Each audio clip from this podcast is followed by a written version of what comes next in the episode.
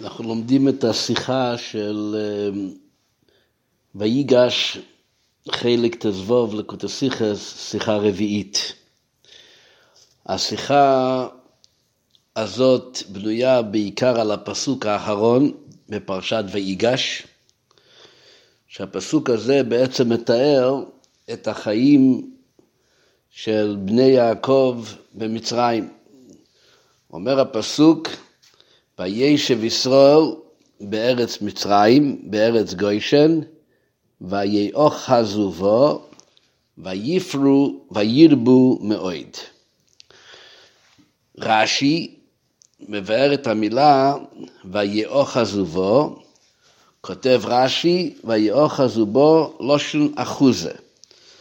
שהפירוש הפשוט של הפסוק, שהם השתכנו ובנו לעצמם בתים וחיים בארץ גוישן. וכפי שהרבי מציין בהרג א', אחד, אז ככה גם מפורש בתרגום אונקלוס, בתרגום ינוס מנוזיאל, באבן עזרא, בחזקונים, כולם מפרשים שהמילה שוויאחזו זה מלשון ואחסינו בארמית, ואחסינו פירושו שהם בנו לעצמם שם חיים.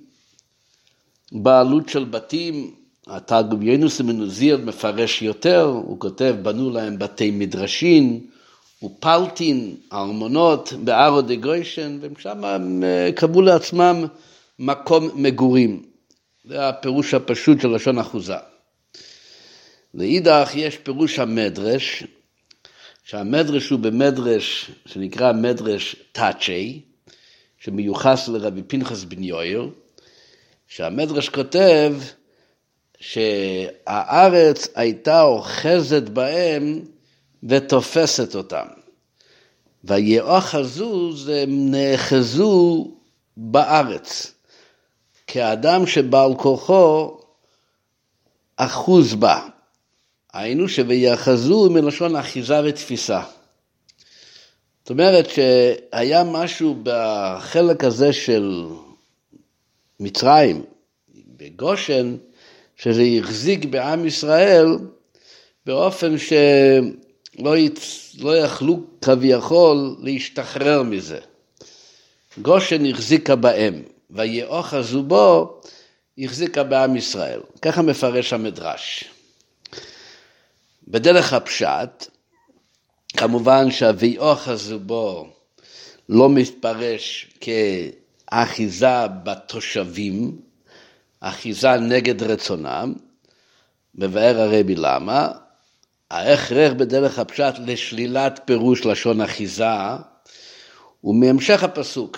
הפסוק כותב, ויאחזו בו, ויפרו, וירבו מאוד. משמע שכוונת הפסוק במילים ויאחזו בו להדגיש את אופן ישיבתם בארץ גושן, שהם ישבו בכזה אופן ובכזה סוג מנוחה, שזה אופן המביא לידי ויפרו וירבו מאוד. אז על דרך הפשט, אין לפרש כפי המדרש ההתיישבות הייתה באופן דבעל כורחו.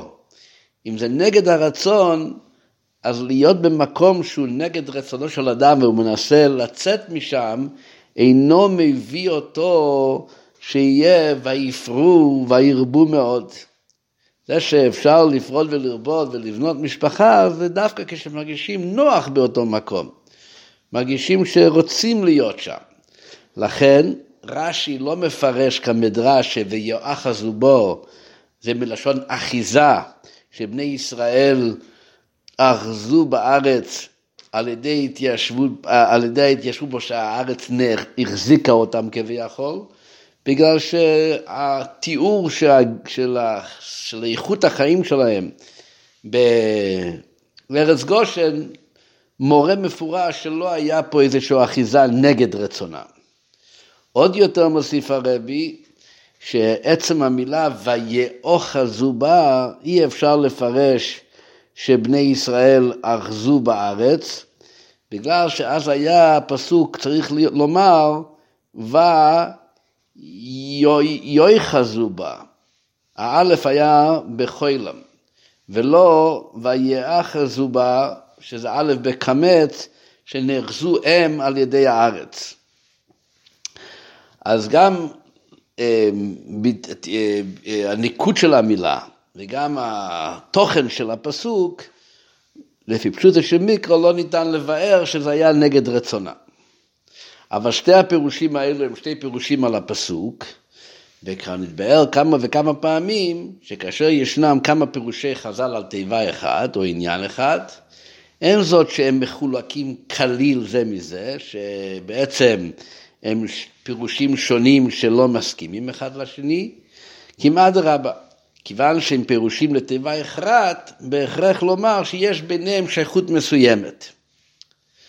אבל לכאורה שתי הפירושים הנזכרים, לא רק שהם לא קשורים, הם בעצם הפכים אחד מהשני.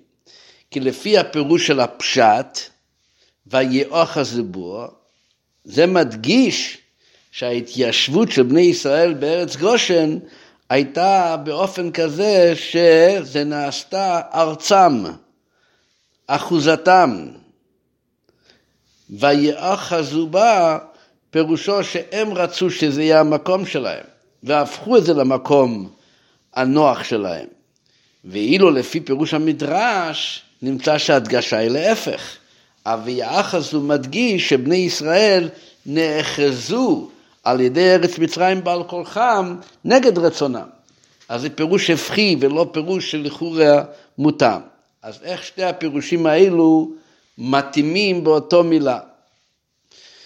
זה בעצם הנקודה של אות א' בשיחה, לשאול את השאלה הזאת, איך מתווכים בין שתי הפירושים, בין ויאחזו מלשון אחוזה, שהם החליטו לגור שם, ולהתייסד שם באופן מוחלט, עם הפירוש של המדרש שזה היה נגד רצונה. בהמשך לזה, ממשיך סעיף ב' בשיחה, שזה יובן לאחרי ביאור פירוש רש"י על התחלת הכסוף. התחלת הפסוק שהקדמה ל"ויעך הזובה". או כותב הפסוק, וישב ישראל בארץ מצרים, בארץ גושן. אומר רש"י, בארץ מצרים, והיכן, זאת אומרת, איפה במצרים? בארץ גושן, שהוא מארץ מצרים. זאת אומרת, לרש"י, כפי שמצוין, שזה, כפי שזה מוסבר גם על ידי הספסי חכמים, שלרש"י היה בעצם קשה. בזה שהכתוב כותב בארץ מצרים בארץ גושן, משמע כאילו שזה שתי ארצות שונות. אז אומר רש"י, לא, לא שתי ארצות שונות, רק היכן, איפה בארץ מצרים, זה לא היה שתי ארצות במצרים ובגושן, רק איפה בארץ מצרים, בארץ מצרים היה חלק של גושן. ארץ גושן הוא חלק ממצרים, כפי שכותב רב אליהו מזרחי ושאר הפירושים. ביארו המפרשים, שרש"י בא לתרץ את הקושייה העולה מן הלשון בארץ מצרים בארץ גושן, אני קורא בפנים למשמע שעם בית ארצות נפרדות, על כן כתב רש"י, והיכן בארץ גושן. זאת אומרת, והיכן סימן שאלה, התשובה בארץ גושן. שיש לפרש את הפסוק כאילו נאמר, בארץ מצרים והיכן בארץ גושן. אבל פה הרבי שואל שלושה קושיות. אינו מובן. א', קושייה ראשונה, מדוע הוא צריך רש"י להוסיף שהיא מארץ מצרים? הרי זה מובן בתוך המשך העניינים. וישב ישראל בארץ מצרים, והיכן? בארץ גושן. אז יודעים שארץ גושן זהו המקום בארץ מצרים ששם עם ישראל התיישב. למה רש"י מוסיף בארץ גושן שהיא מארץ מצרים? מהי הדגשה של שלושת המילים שהיא מארץ מצרים? בסיום פירושו. קושייה שנייה, ב', על דרך זה קשה בפסוק גופה. עד כאן הוא שאל את השאלה לגבי רש"י, למה רש"י מוסיף את המילים שהיא מארץ מצרים? אבל מוסיף הרבי שהקושייה היא גם כן בפסוק עצמו. הפסוק כותב, וישב ישראל בארץ מצרים בארץ גושן. לשם מה צריך הכתוב לומר בארץ מצרים ולפרש בארץ גושן די יועץ, מספיק שיאמר בארץ גושן, ונדע שהיא בארץ מצרים. שהרי לעיל בפרשה נאמר בפירוש שארץ גושן הייתה חלק מארץ מצרים.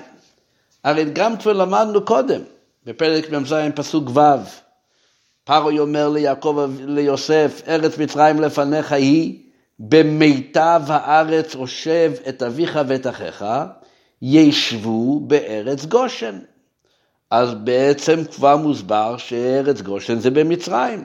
אותו דבר בפסוק י"א, ויושב יוסף את אביו ואת אחיו, וייתן להם אחוזה בארץ מצרים, במיטב הארץ, בארץ רמסס, שרש"י גם אומר שמה רמסס מארץ גושני, אז כבר יודעים שמדובר שהוא חלק מארץ מצרים. אז למה הפסוק עצמו כותב וישב ישראל בארץ מצרים בארץ גושן? מוסיפים את ההדגשה שזה מדובר בארץ מצרים. כאילו שיש פה איזושהי נקודה שרוצים להעביר דווקא בהוספה של המילה בארץ מצרים. קושייה שלישית, ג', אם כוונת רש"י רק לבאר את אריכות הלשון בכסוב בארץ מצרים, בארץ גושן, מדוע העתיק מן הפסוק גם את התיבות וישב ישראל. ידוע שהרבי ב... בלימודו פירוש רש"י על החומש גם כן דייק המון מהכותרות ומהמילים שרש"י מעתיק מהפסוק ככותרת לפירוש. וכאן הוא שואל, היות שהפסוק רק בא לבאר כפי שהביארו בפרשי רש"י את השאלה למה כתוב בארץ מצרים, בארץ גושן, שמשמע כאילו עם שתי ארצות שונות, אם זה רק הייתה הבעיה, אז נשמע רש"י מעתיק גם את המילים וישב ישראל, שבעצם לכאורה זה לא חלק מהקושי בפסוק ואת זה הוא לא מבאר. אז זה שלושת הקושיות, שזה בעצם קושייה אחת, למה מוזכר גם, למה מדגישים שגושן זה בארץ מצרים, וגם למה רש"י מעתיק את המילה וישב ישראל. על שלושת הקושיות אלו הרב ממשיך בעוד ג' והוא מסביר, הביאול בזה שבפירושו כאן ברש"י ליישב את סתירת תוכן הפסוק מפרשה קודמת. שהפסוק האחרון בפרשת ויגש וישב ישראל בארץ מצרים בעצם זה סתירה למה שלמדנו בפרשת לך לך. בפרשת לך לך מתוארת הירידה, הגזירה אודות הירידה למצרים. זה היה בברית בין הפטרים המפורסם בין הקדוש ברוך הוא לאברהם אבינו. ושם מפורש בפסוק, אמר הקדוש ברוך הוא לאברום, כי גר יהיה זרחו בארץ לא אלוהם.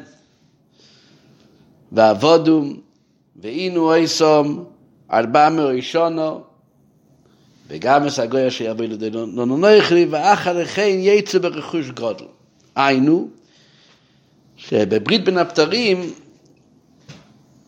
נאמר לאברהם אבינו שקודם כניסת בני ישראל לארץ ישראל יוכרחו לעבור מצב של גלות על ידי שיהיו גר בארץ לא להם. אז כל השהייה של עם ישראל במצרים אמורה להיות במצב של גירות.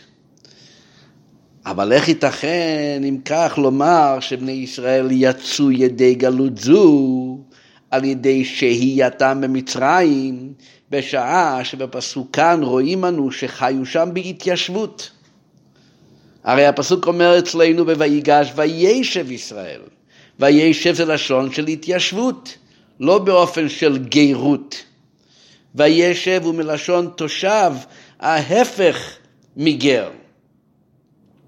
כפי שמצוין לרש"י בפרשת חיי שרה, ששם אברהם אבינו אומר, גר ותושב אנוכי עמכם, ורש"י מביא מהמדרש, א', גר מארץ אחרת והתיישבתי עמכם, אז רואים שתושב זה ההפך מגר. אז אם ככה, איך אפשר להחשיב את השנים האלו של בני ישראל במצרים כחלק ממילוי גזירת ברית בין הבתרים, שגר יהיה זרעך, בשעה שהם לא בכלל במצב של גרות, וישב ישראל. ועוד זאת, בארץ גושן שהייתה, ככתוב לעיל, מיטב הארץ. ארץ גושן היה המקום המובחר, ולא רק הם היו במיטב הארץ, כפי שקראנו את הפסוק מקודם, ארץ מצרים לפניך היא, פרעה אומר, במיטב הארץ יושב את אחיך, את אביך ואת אחיך, שזה לא מצב של גלות. ובאופן, כסיום הפסוק כאן, דויאחזו בה. ויאחזו בה, לשון אחוזה, היינו שהארץ נעשתה לאחוזה שלהם. אז זה לכאורה סתירה לכל המושג וכל הסיבה שבני ישראל נמצאים במצרים. כל הסיבה וכל אופן ההגעה למצרים היה כדי למלות את ציווי הקדוש ברוך הוא בגזירת ברית בין הבשרים, כי גר יהיה זרעך, שיהיו שם כמו גרים. ופה לא רק שהם לא נמצאים במצב של גירות, ולא רק שהם נמצאים במצב טוב של מיטב הארץ, רק ויאחזו בו. לשון אחוזה רש"י אומר, המקום נהיה שלהם, המקום נהיה מקום דירתם בשליטה שלהם. וכפי שמדגיש בהערה העשר, ולא רק כמו שאמרו לגור בארץ בנו. כשהם הגיעו למצרים, מסופר בפרק מ"ז פסוק ד' ויאמרו אל פרעה לגור בארץ בנו כי אין מרעה לצאן. אז הם הדגישו שזה יהיה לגור בלשון גרות, בלשון שהייה ארעית. ולמעשה לא רק שהם לא נמצאים במצב ארעי, רק ויאחזו בה. התורה מדגישה זה היה באופן של אחוזה. עם דירות, עם שהייה קבועה. איך זה מסתדר עם הגזירה של ארץ לא אלוהם?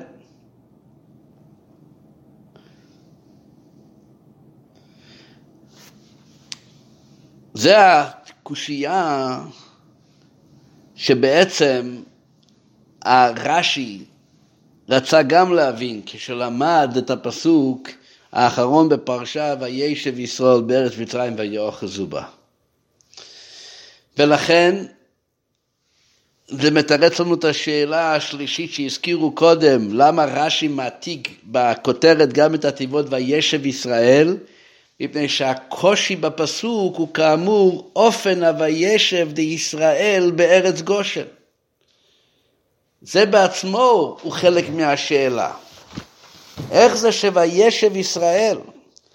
ה"ויאחזו בו" זה הכל חלק מהאופן וה, וה, והאיכות של הוישב. איך, איך זה מסתדר עם גזירת ברית בין הבתרים? אז רש"י, כשהוא רוצה להשיב על השאלה, אז הוא מעתיק גם את המילים וישב ישראל, בגלל שזה בעצם הקושי בפסוק, האופן של הישיבה. וכפי שהוא מרגיש בהערה 11, הישיבה הזאת בפועל גם מצידם. עם ישראל התיישב באופן של התיישבות, ולא רק ויושב יוסף, יש בפסוק מקודם, פסוק י"א, כתוב ויושב יוסף את אביו ואת אחיו, וייתן להם אחוזה. עכשיו אתה יכול להגיד שיוסף הושיב אותם באופן קבוע ובאופן מסודר. אבל כפי שהפסוק מדגיש עכשיו, וישב ישראל, מסמל שהם מצידם התיישבו באופן של קביעות ובאופן של אחוזה, זה השאלה שרש"י מנסה להבין איך שהייה זו בארץ מצרים תחשב כחלק מגזירת ברית בין הבתרים. קושייה זו מתרץ הפסוק המבואר בפירוש רש"י על ידי הוספת תיבות בארץ מצרים, שזה בעצם הייתה הקושייה השנייה מקודם, למה רש"י, למה הפסוק גם כן מזכיר ומדייק שזה היה בארץ מצרים. המילים בארץ מצרים בעצם מתרצים את השאלה המהותית שלנו. סוף סוף, מה התירוץ? שסוף סוף גם ארץ גושן היא חלק מארץ מצרים. ההדגשה היא שזה חלק מארץ מצרים, שהיא מארץ מצרים, ואינה ארץ כנען, ולכן ישיבתם בארץ גושן נחשבת לגלות, כיוון שבזה גופה שאינם נמצאים בארץ כנען, הארץ שלהם, אז זה גופה הרי מבחינת גר יזרעך בארץ לא להם. אז ההדגשה בפסוק הוא לתרץ את השאלה הזאת. שאלת איך זה מסתדר להתיישב בארץ מצרים עם גזירה על ברי בין הבתרים? התשובה היא כפי שהפסוק מדגיש, סוף כל סוף זה ארץ מצרים. ואם נמצאים בארץ מצרים, זה לא הארץ שלהם, אז בזה מקוים, לא משנה אופן הישיבה. למעשה, אנחנו נמצאים בארץ לא להם. ארץ לא להם זה מקום של, אמ, של גלות, וזה בעצם הנקודה של בארץ מצרים, זה ההדגשה של ארץ מצרים.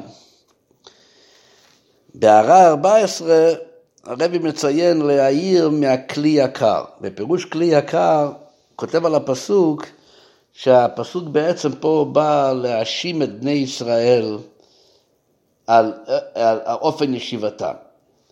כי הקדוש ברוך הוא גזר עליהם כי גר יהיה זרעך, והם, עם ישראל, ביקשו להיות תושבים במקום שנגזר עליהם גרות. וישב. כפי שלמדנו בפרשת וישב, וישב יעקב, ביקש יעקב לשב בשלווה, קפץ עליו רוגזו של יוסף. לפי הכלי יוקר הוא מסביר שהפסוק בעצם מאשים את עם ישראל על ישיבה כזו שביקשו אחוזה בארץ לא להם, הרי הם עצמו אמרו לפרעה לגור בארץ מנו, שלא ירדו להשתגע, להשתקע, ועכשיו הם בעצם נשתקים. אז הוא בעצם מדגיש שזה, הפסוק הוא, הוא, הוא, הוא, הוא, הוא לא פסוק שמבטא את, ה, את, ה, את האופן והסוג של הגלות שלמעשה עם ישראל חווה בזמן כזה שהם גרים בארץ גושן, לפי הקליוקור הפסוק בעצם פה משתמש בתוכחה לבני ישראל על אופן ישיבתם. ככה הקליוקור לומד. אבל לפי פירוש השיחה, אז ההדגשה בפסוק היא לא כל כך על האשמה איך הם, איך הם, איך הם uh, התיישבו שם, רק אדרבה, להדגיש שהגם שהתיישבו באופן של ישיבה ויאחז לובו מלשון אחוזה והם בעלי בתים כביכול שמה, אבל סוף כל סוף באה התורה ומדגישה בארץ מצרים, יהודי שהוא לא נמצא בארצו, הוא במצב של גלות, וזה מתקיים ברית בין הבתרים, שזו הייתה הכנה שהיו צריכים לעבור כדי להגיע לארץ ישראל אחר כך. אז בזה תירצנו בעצם את הקושיות אה, שהובאו בסעיף אה, ב'. ממשיך הרבי ושואל בסעיף ד', אבל עדיין אין זה מחובר על כל פנים בפנימיות העניינים. הרי עדיין לא מוסבר איך אביאח הזובה יכול להיות יחד במצב שנגזר עליהם, מה שנגזר עליהם בברית בין הבתרים. מה השאלה? ידוע שכוונת גלות מצרים הייתה שבני ישראל יזדחכו שם. זה דבר שמוסבר בתור האור, כפי שמצוין בהערה 16, האלתרבה מביא את זה, שכל המושג של מצרים הוא נקרא כור הברזל. כמו שכור מנקה את הזהב ואת הכסף מהסיגים, מהלכלוך, הוא מפריד את הסיגים, שלא יהיה תערובת פסולת בכסף ובזהב, כך מצרים, אומר אדמו"ר הזקן בתרער, זה כור ברזל שזיכך את ישראל באיך קרה הזיכוך. הזיכוך קרה דווקא על ידי קושי השיבוד בחומר ובלבנים, שזה גרם להפריד את הרע מן הטוב. ורק כאשר עם ישראל נזדכך כל כך, אז בעצם היו ראויים ליציאת מצרים ובהמשך למתן תורה, וכולו כפי שזה מוסבר. אז אם ככה, השאלה נשאלת, אם הכוונה של מצרים הייתה שבני ישראל יזדככו שם, ועל ידי זה יהיו ראויים לקבלת התורה ולכניסה לארץ ישראל, אז איך התקיימה הכוונה זו? הזיכוך גלות ושיבוד מצרים על ידי עניין וישב ישראל. הרי סוף כל סוף הוישב ישראל באופן שויפרו בואה, כפי שהדגשנו קודם, ויפרו וירבו מאוד, ויאחזו בה. הוא ודאי לא מצב של גל, גלות ושיבוד. אז הגם שתירצת שלהיות בארץ לא להם, להיות במצרים, אז זה מראה שהם חלק מהחוויה כביכול של ברית בין הבתרים. אבל עדיין, ברית בין הבתרים, יש לזה גם תוכן פנימי. התוכן הפנימי נפעל דווקא על ידי השיבוד. זה הכור הברזל, זה שמנ... זהו מה שמפריד ומנקה ומברר את עם ישראל להיות ראויים לקבלת תורה. אם הם מתיישבים שמה והם לא עוברים שיבוד, אדרבה נאחזים בה, אז איך למעשה תתקיים הכוונה הזאת, איך, איך פועלים את הכוונה הזאת של גלות ושיבוט מצרים. יותר קשה, על פי הביאור בחלק הדרש שבתורה בעניין ויאחזו בה. הרבי עכשיו יביא פירוש ממדרש על המילים ויאחזו, שהפירוש הזה מראה שבעצם החיים במצרים, בארץ גושן, הייתה חיים של הפך של גלות והפך של שיבוד, לכאורה. ואם ככה השאלה היא, שוב, איך מצד אחד יש לנו את ברית בין הבתרים, את הגזירה של ועבדום ועינו אותם ארבע מאות שנה, ומצד שני, חלק מאותם 400 שנה הם נמצאים במצב של ויאחזו בו, כפי שנראה עכשיו בהמשך, אבל ויאחזו בו הוא מצב של הפך השיבוד לגמרי. ובהקדים, ממה שנאמר ויאחזו בו לשון אחוזה, נמצא לכאורה שארץ גושן הייתה וממילא נשארה אחוזה וירושה אצל בני ישראל. זה המילים אחוזה. אחוזה זה גם מושג של ירושה. ולכאורה הדבר אינו מובן כלל.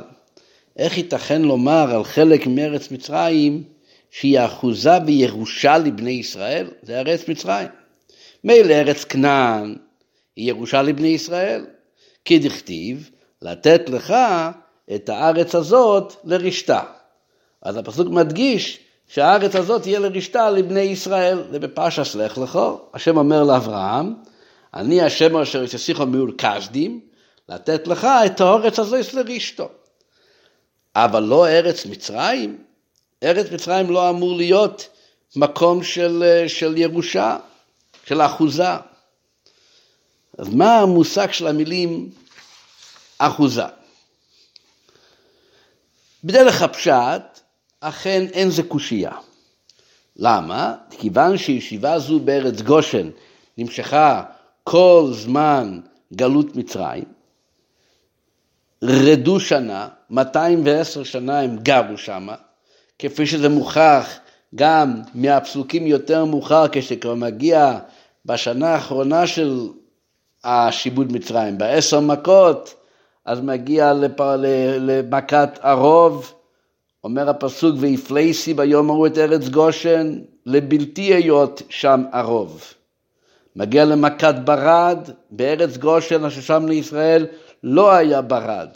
אז כמובן שגרו בארץ גושן סכום שנים גדול של 210 שנים.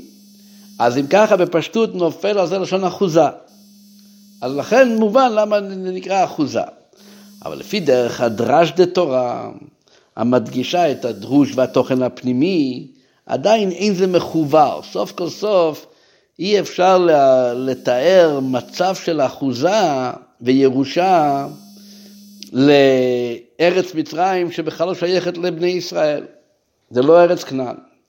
אז למה באמת משתמשים בלשון של אחוזה? אז כאן יש לנו מדרש מעניין, שאותו מביא הרד"ק בספר יהושע. בספר יהושע, שמה בספר יהושע כתוב בפרק י"א, הפסוק אומר, ויקח יהושע את כל הארץ הזאת, ההר ואת כל הנגב ואת כל ארץ הגושן ואת השפלה ואת הערבה, הוא כבש את הכל ומוזכר במיוחד גם ארץ הגושן. מהי אותה ארץ הגושן? אז הרד"ק מביא פירוש אחד שזה איזה גושן שלו שייכת למצרים, אבל אז הוא מביא מדרש. שהדרש שאומר שם שאותו גושן, שיהושע כבש את כל ארץ הגושן, כהי על גושן של ארץ מצרים, והיא נבלעת בתוך ערי ישראל. ולכך נמנתה בכתוב שם, בין הערים לנחלת שבט יהודה. הפסוק שם כותב, ויהיו הערים מקצה, מקצה למטה בני יהודה, אל גבול אדום, אז מוצר קפציאל ועדר וגושן. 11 ערים שמהם היה גושן. ואותו גושן עמדה בגבול ארץ ישראל. זה היה ממצרים, מצד צפונית של מצרים, בגבול ארץ ישראל. והיות שיהודה, אומר הרד"ק שם בשם המדרש, הוא זה שהגיע לגושן ראשון, כפי שקראנו בפרשה, וס יהודה שולח לא ירס לפונוב גוישנו, לכן הוא זכה ושבחלקו נפל גם אותה עיר גושן.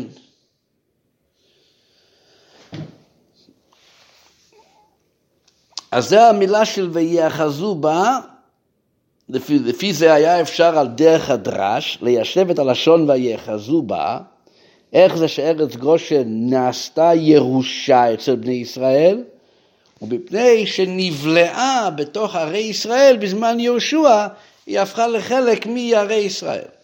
אז אולי זה התיאור של ויאחזו מלשון אחוזה וירושה. זה היה, לכאורה היה אפשר לתרץ. הגם שזה מצרים, זה עדיין נחשבת לאחוזה, בגלל שיהושע סוף כל סוף כבש אותה. אבל אומר הרבי, באמת קשה לבאר כן, כי אין מקום לומר שבזמן הפסוק וישב ישראל בפרשת ויגש, כבר נקראת ההתיישבות זו בארץ גושן בשם אחוזה, על שם המאורע עתיד לבוא מאות שנים לאחרי זה, בליעת ארץ גושן על ידי כיבוש יהושע בן ערי ישראל, אז כבר מעכשיו לקרוא לזה ויאחזו מלשון אחוזה? אז חייבים שיהיה פה איזה הסבר יותר, אה, יותר אה, אה, פשוט, למה באמת מתארים את ארץ גושן מלשון אחוזה, דבר שכאילו שייך לנו, כאילו שזה ירושה לנו. הביאור בזה, איתה במדרש, המדרש הוא בפרקי דרב אליעזר, ששם המדרש כותב שפרעה נתן לשרה את ארץ גושן לאחוזה.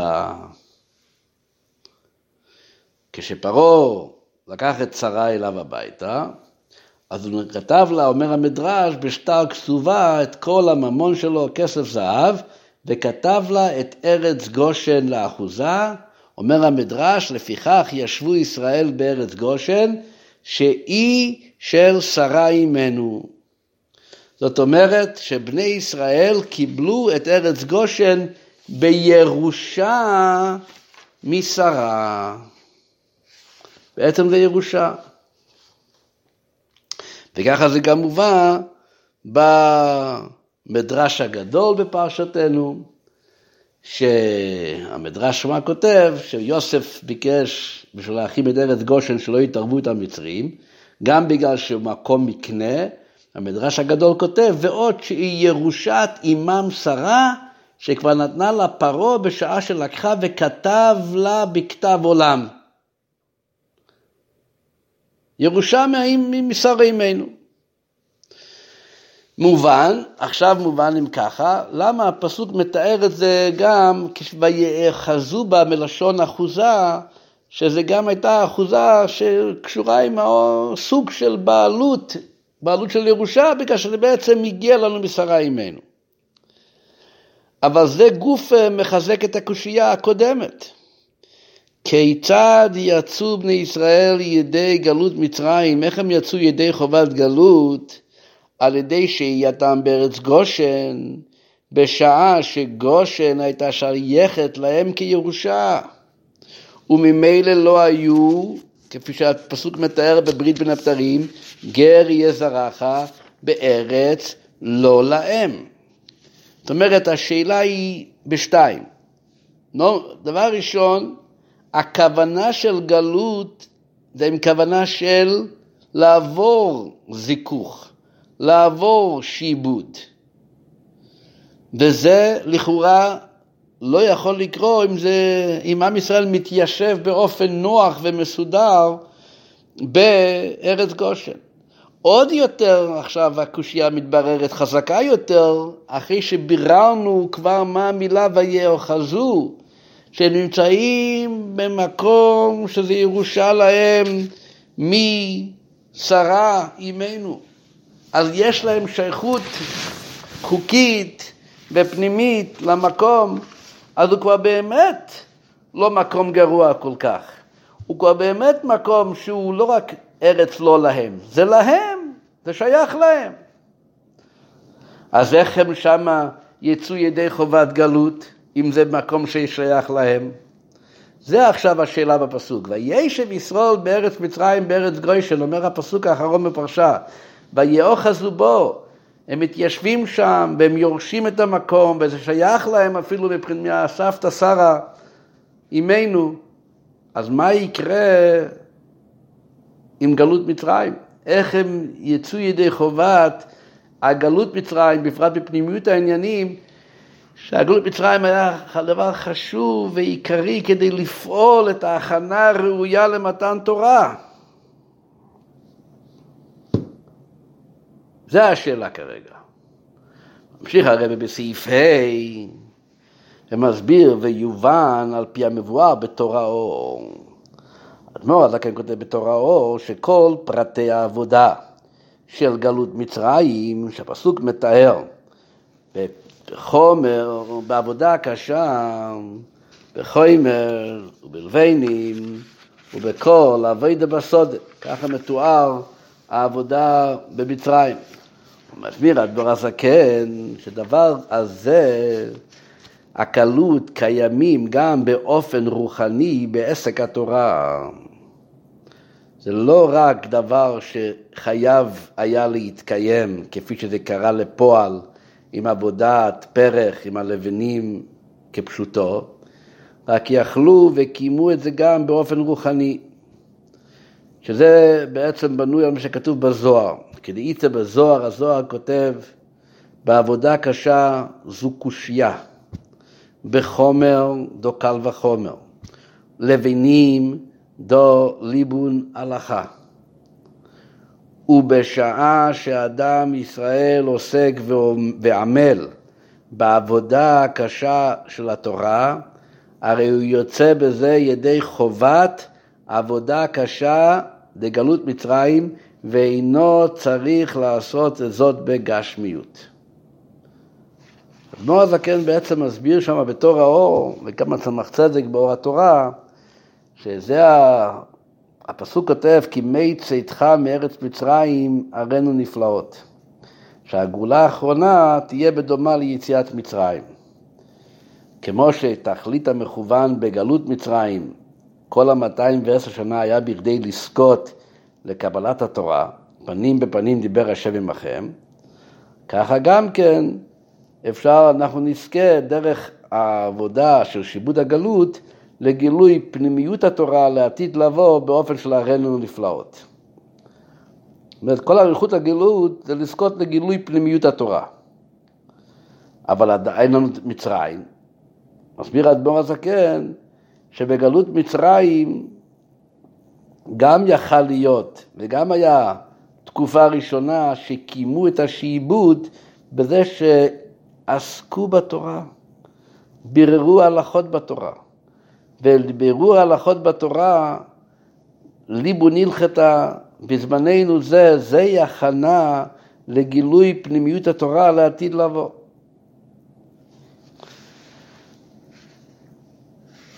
את אומרת שהשיבוד מצרים לא אמור להיות דווקא שיבוד באופן שמוכר לנו מהפסוקים ומהמדרשים, רק כפי שהזוהר כותב. זה שיבוד, זה נקרא עול, זה נקרא עבודה קשה. הרבי מציין כמאמר המשנה בפרקי אבות, כל המקבל עליו עול תורה, מעבירים ממנו עול מלכות. הדיוק בזה עול תורה, שמקבל על עצמו את העול. עול, העבודה קשה, הנזכרת לעיל והזוהר, להתייגע בלימוד התורה, להתייגע לברר את ההלכה למעשה. אז העול הזה של התורה, הרי מעבירים ממנו עול מלכות בדרך ארץ. הנקודה היא שזה יהיה שיבוד. זאת אומרת שיש מושג של שיבוד וקיום מצוות שיבוד, גם בזה שלא משתעבדים בגשמיות בעבודת פרח, רק משתעבדים, למה משתעבדים? משתעבדים ללימוד התורה. עובדים עבודת פרח ומתייגעים להבין מה שהתורה אומרת לנו. אם ככה, על דרך זה יש לברר בענייננו. גם בהיותם בארץ גושן עברו בני ישראל ופעלו בעניינים של גלות ושיבוד מצרים, כן היו שיבוד. שאלת איך? הרי נמצאים במיטב הארץ ויאחזו בה, וזה אפילו לא כל כך מצרים, זה שייך לשרה אימנו, הם השתעבדו בזה שעל ידי יגיעתם בתורה, בבית התלמוד שיסדו יעקב ובניו. הרי המדרש מתאר, גם במדרש רבה, גם במדרש תנחומה, גם בילקוט שמעוני, כולם כותבים על הפסוק, ויהודה שלח לפניו להתקין לו בית תלמוד, שיהא משם יוצא הוראה, שיהיו השבטים לומדים בה. רבי תנחומה הדגשה שיהיו השבטים הוגים בה בתורה. גם רבינו בחיי הלשון הוא ש... שאת בית תלמוד שיהיה מורה שם הוראה, שיהיו השבטים הוגים, לשון יגיעה בתורה. כפי שהרבי מדגיש בהערה 31. אם ככה, מובן שאפשר להיות בארץ גושן, ולקיים בהם את הגזירת ברית בין הבתרים ועבודם ואינו אויסום. זה לא אמור להיות דווקא אבינו אויסום בגשמיות, בחומר ובלבנים, זה רק בחומר בקל וחומר. לימוד לפי כללי התורה, ביגיעה. וזהו ממשיך הרבי, גם הרמז על דרך יינה של תורה בביאור פירוש רש"י, ויאחזו בה לשון אחוזה. רש"י הרי יש לו לא רק את פירושו הפשוט. ברש"י הרי יש גם מה שנקרא יינה של תורה, הפנימיות, איפה שרש"י גם מרמז למדרשים ולסוד שבפסוקים. רש"י כותב לשון אחוזה בגלל שרש"י רוצה להדגיש את הנקודה הזאת שהזכרנו בה, שהם גרו שם באופן של אחוזה בגלל שהם שמה התייגעו בתורה ולמדו את התורה, אז ממילא הם הרגישו שזה המקום שלהם. זה מקום קבוע בשבילם. אם שם מתייגעים בתורה, זה מקום קבוע.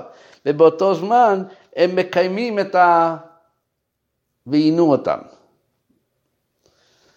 בלשון של הרבי הוא ככה, בתקופה הראשונה לגלות מצרים, בעת התיישבות בני ישראל בה, וישב ישראל, לא כללה הגלות עבודה קשה בגשמיות. אדרבה, הדבר היה אז באופן כזה שהורגש שהמקום הוא מיטב הארץ, והם נמצאים שם באחוזתם. הכל ידעו והכירו שבני ישראל נמצאים בארצם שלהם, אחוזתם, כפי שהזכרנו, שייכת להם משרה אימנו, שבה נוהגים הם כחפצם, לומדים ומקיימים מצוות וחיים חיים הם, של בני ישראל, ואינם תחת שיבוד מצרים. ושיבוד הגלות בא לידי ביטוי רק בעבודה קשה לתורה. זה היה השיבוד של הגלות, שהם עובדים קשה בתורה, שהם משתעבדים ומכניסים את כל היגיעה של המוח והלב להבין דברי תורה. אם ככה, אפשר להיות במצרים, אפשר להיות וישב, וגם יקוים בזה ברית בין הבתרים, ועבדו ועינו אותם ארבע מאות שנה. זה גם אפשר לקיים.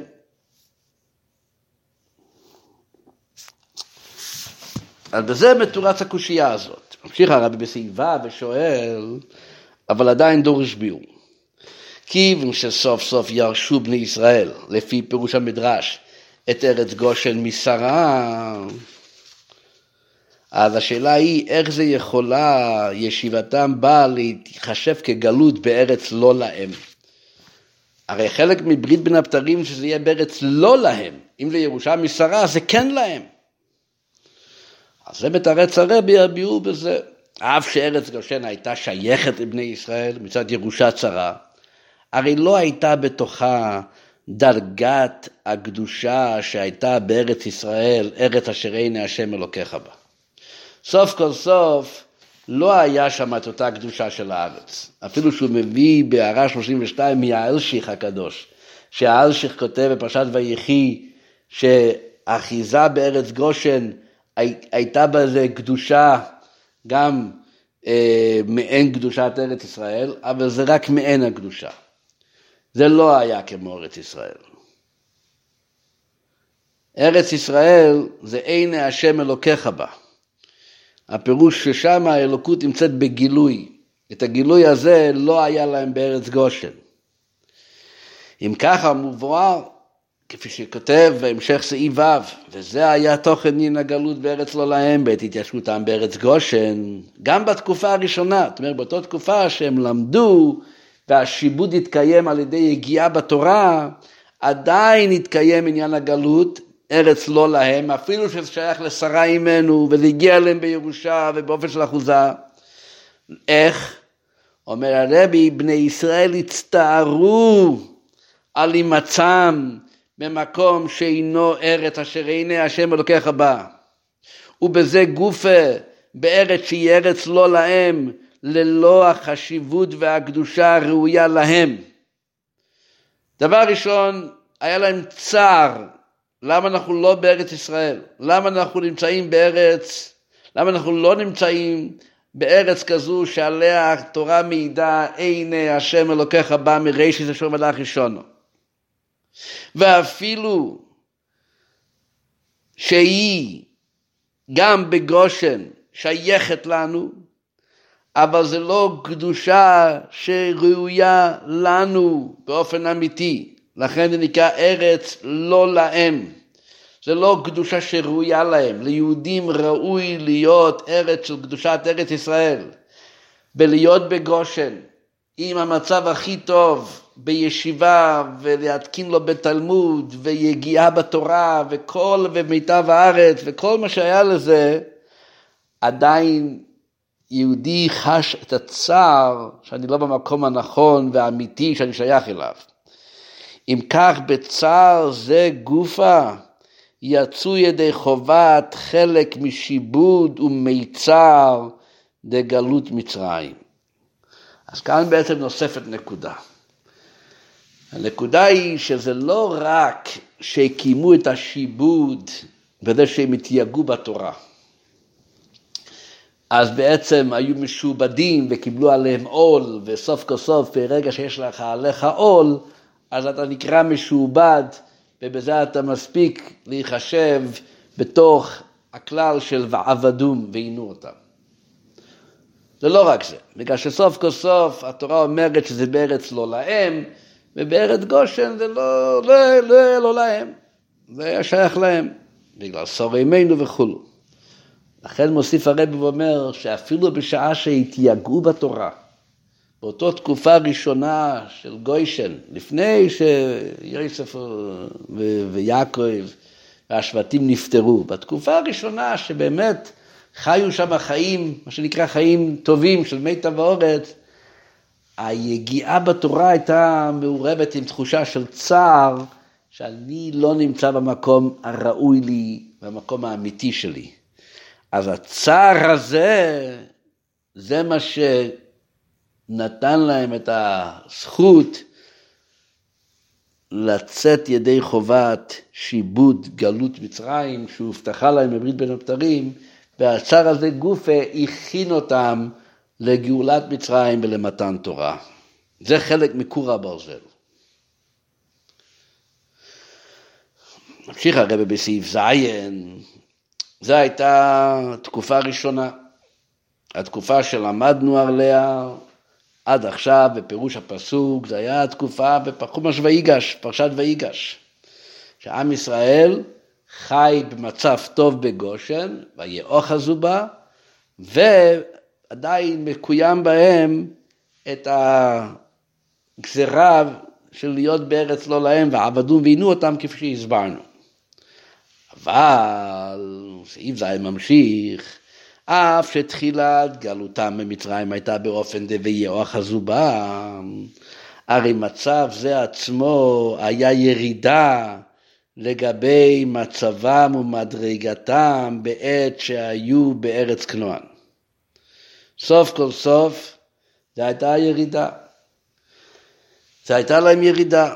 גם באופן לימוד התורה, הוא מציין בהרעה 36, אמרו רז"ל, אין תורה כתורת ארץ ישראל.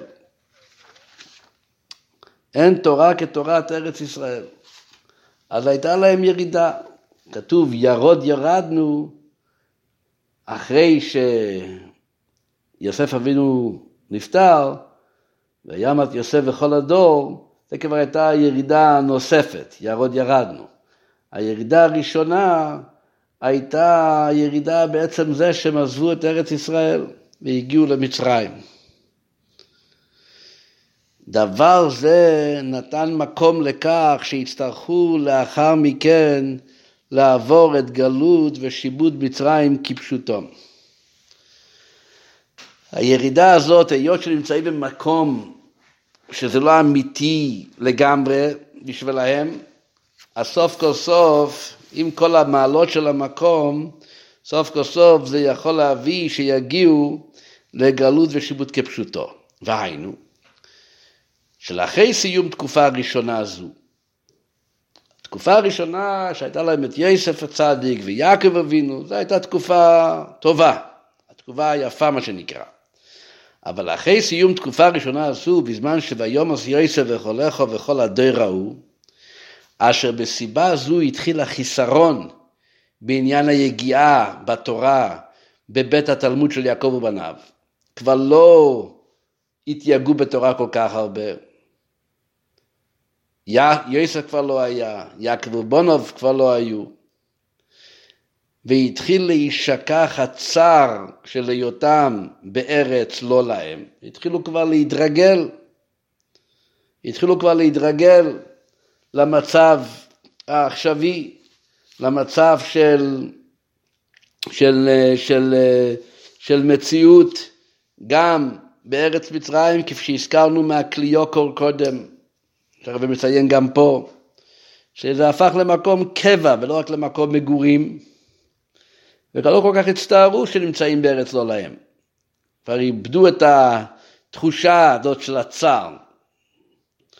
אז גם לא משועבדים בגלל שפחות מתייגעים בתורה. וגם אין את הצער שזה בעצם לקח את המקום של ועינו אותן. אז התחילה תקופה שנייה, החל שיבוד מצרים כפשוטוי. עד שהיה נראה כאילו אותו יום נכנסו למצרים. איך שיוסף נפטר, אומר הפסוק, אלה שמועז בני ישראל הבואים מצרימו, מה זה הבואים? שהם הרגישו שרק עכשיו, אה, שרק עכשיו באו, רק עכשיו נכנסו. בפרט שזה קרה אחרי שיוסף נפטר, כפי שהמדרש כותב, כל זמן שאחד מהאחים קיים, לא שיבדו מצרים בישראל. אחר כך כשכבר נפטרו, בפרט כששבט לוי נפטר, אז כבר בעצם התחיל השיבוד האמיתי, וזה הפסוק הבאים מצרימה, הלוא היו כבר, היו לפני זה ימים רבים במצרים, אומר המדרש שכל זמן שיוסף היה קיים לא היה להם את המסו של מצרים. מת יוסף, נתנו עליהם מסו, לאחר כתוב הבאים, כאילו אותו יום נכנסו למצרים. אז גילו התחיל.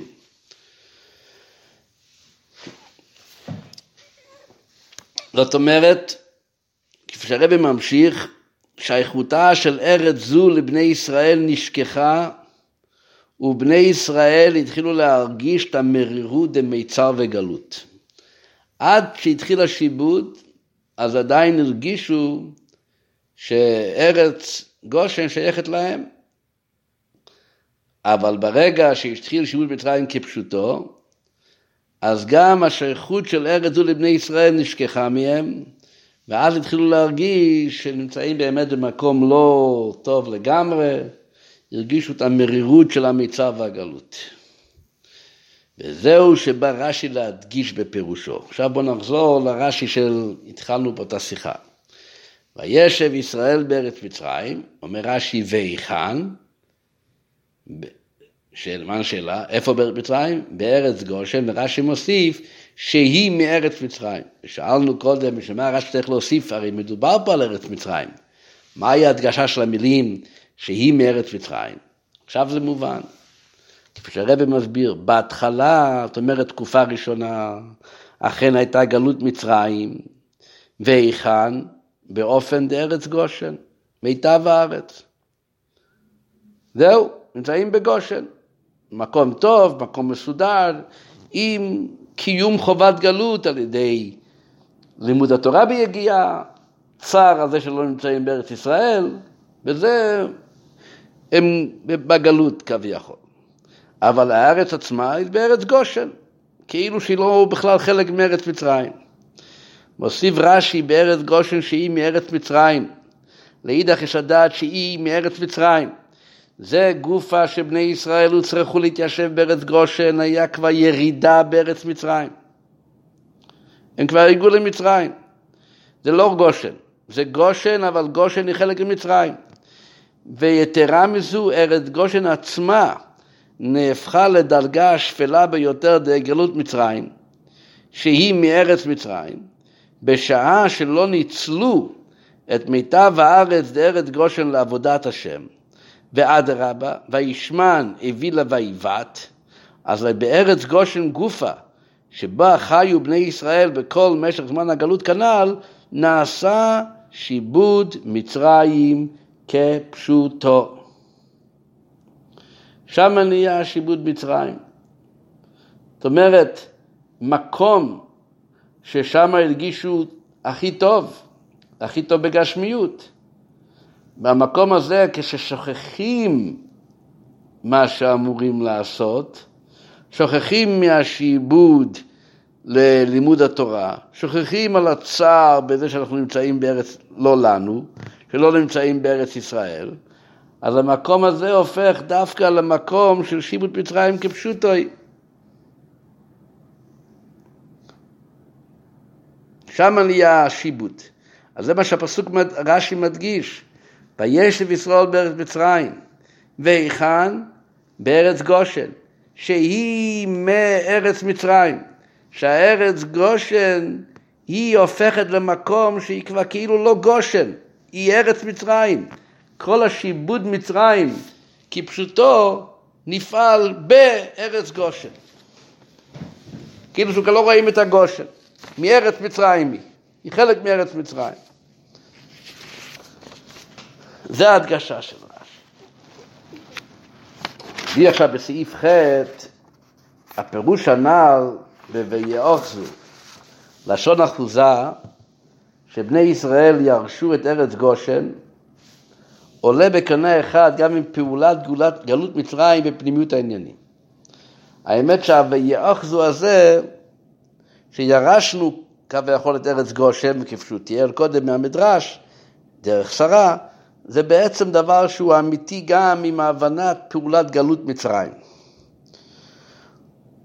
ומזה מובן, שהוא יסביר עוד מעט, ובזה מובן גם שאף שלפי דרך הפשט אין הכרח של לשון אחוזה, כולל בתוכו גם תוכן של ירושה, היינו שבני ישראל ירשו את ארץ גושן, אחוזה זה פשוט בעלות של בתים, זה לא אמור להיות דווקא קטע של ירושה, בדרך הפשט.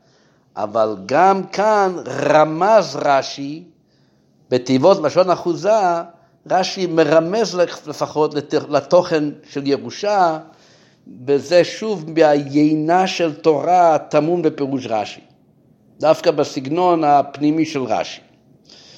מה הקשר ולמה רש"י מרמז במילים של ירושה? והרבי הביאור בזה.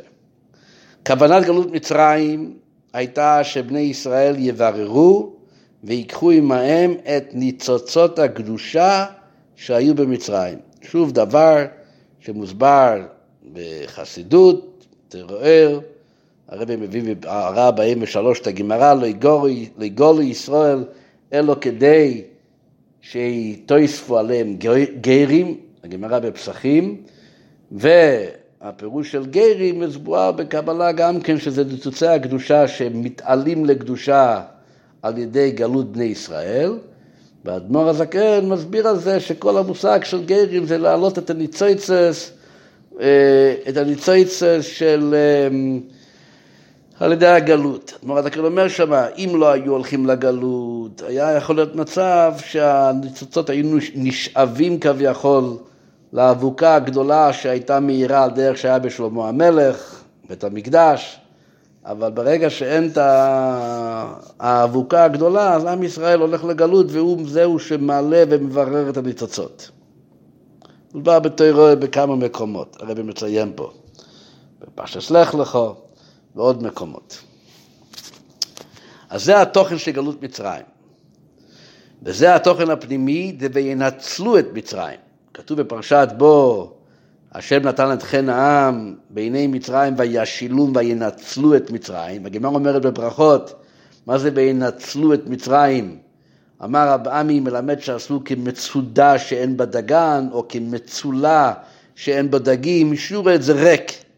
היינו שבני ישראל ביררו והעלו את ניצוצי הקדושה מעולם התוהו שהיו בארץ מצרים, שם היה ניצוצות קדושה מעולם התוהו, מושג בקבלה של ניצוצות קדושה שהתפזרו בכל מיני מקומות והם הגיעו למצרים גם, והם התבררו על ידי בני ישראל במצרים. או, אז אם כך, בגלות מצרים הייתה כוונה של גם כן ללקט ניצוצות. לא רק כפי שלמדנו קודם, שזה הייתה מקום להכין את בני ישראל לקבל את התורה. היה גם מטרה של בירור ניצוצות שדווקא על ידי גלות בני ישראל שם.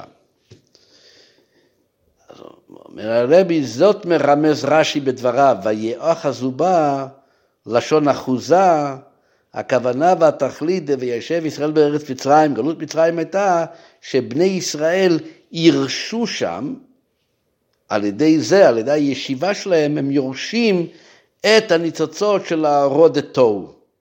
זה בעצם הייתה הכוונה של שהייתם. לכן גם כן הפסוק משתמש בלשון ויאחזו. הם ירשו את ארץ גושן בגלל שזו הייתה הפעולה של גלות מצרים, לירוש את הניצוצות הקדושה שם.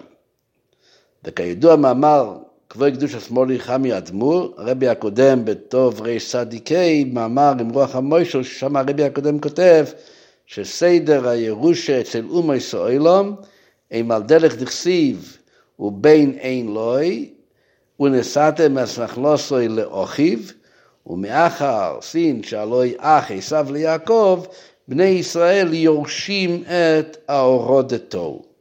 אז זה בעצם ירושה, וזה התוכן של בני ישראל בארץ גושן ויאחזו בה, באותה תקופה שהם היו שם, הם ביררו את הניצוצות שזה מרומז בלשון שויאחזו לשון ירושה. סעיף ט', על פי הנ"ל, על פי כל הנ"ל, מובן הקשר בין שתי הפירושים בעניין ויאחזו בה. הרי הזכיר מקודם שיש פירוש רש"י שהתיישבנו שם. יש פירוש המדרש שהארץ החזיקה בנו, והוא שאל שלכאורה זה, זה שתי פירושים שונים. להתיישב, אנחנו מחזיקים בה, ויאחזו לפי המדרש, הארץ מחזיקה אותנו. וזה באותו, שתי פירושים באותו מילה אמור להיות להם קשר. מסביר עכשיו הרבי בסעיף טס מה הקשר בין שתי הפירושים. אז נראה בפנים. לפי פשט הכסוף, ויאחזו מלשון אחוזה, מפני שבפשטות ובחיצוניות העניינים, הרי אז, בזמן פרשת ויגש, עדיין לא התחיל השיבוט לגלות מצרים. אז ויאחזו בה, גרו שם באופן מסודר. ואדרבה, אז עדיין היה ניכר שארץ גושן היא אחוזה אצל בני ישראל. שם הם גרים, שם הם מתנהגים בבלבטיות, יש להם בתים, זה אפילו שייך להם בירושלמי, עם המסרה וכולו, מיטב הארץ. זה לפי פשוטו של מקרא. אבל לפי המדרש, המפרש הוא מגלה את הדרש והפנימיות של כל עניין, זה הרי המושג של מדרש, את הפנימיות של הדבר, ויאחזו מלשון אחיזה, שהארץ הייתה אוחזת בהם ותופסת אותם, שבעל כורחו אחוז בה. למה אנחנו אחוזים ודפוסים בה? מאחר שבפנימיותה הייתה ישיבה בארץ גושן עניין של ירידה למצרים, כפי שהפסוק מדגיש שהיא מארץ מצרים, ואף יתרה מזו נתינת מקום לשיבוט מצרים כפשוטו כנ"ל, סוף כל סוף גם שמה, בזה שהגענו לשמה, הסוף כל סוף יש למצרים גם את השיבוט כפשוטו, כפי שזה קרה למעשה אחרי פטירת יעקב ויוסף ושאר השבטים. ממילא נמצא שבהלם ובפנימיות כבר הייתה ירידה לארץ גושן באופן שבארץ הייתה אוחזת בהם ותופסת בהם שבעל כורחו אחז בה. שבאופן פנימי אז כבר מההגעה הראשונה לגושן יש פה איזה עניין שארץ גושן מנסה לתפוס אותנו כמו שארץ מצרים שולטת עלינו. מהי הסיבה? הטעם והכוונה הפנימית להכרח שבעניין דה ויחזו בה לפי פירוש המדרש שהארץ הייתה אוכלת אותם מרומז בעיינה של תורה אשר בפירוש רש"י המכוון בהימצאם בגלות מצרים בדרך הכרח כפירוש המדרש מודגש בלשון אחוזה. זאת אומרת, אם רוצים להבין מה הייתה המטרה והסיבה שהארץ מצרים וארץ גושן אוחזת בבני ישראל, זה מרומז בפירוש הראשון של רש"י, בפירוש של רש"י, סליחה, בזה שהוא כותב ויאחזו מלשון האחוזה שהוא לשון ירושה. זה נותן לנו הסברה איך זה ולמה שהארץ הזאת מחזיקה אותנו. כי היא מחזיקה אותנו כדי שירשו את כל הטוב בניצוצות דתוהו שנפלו בשבירה במצרים, ואחרי כן יצאו ברכוש גדול. זה גוף הירושה שארץ מצרים רוצה שנוציא משם. היא הסיבה שהיא מחזיקה אותנו שם בתוקף.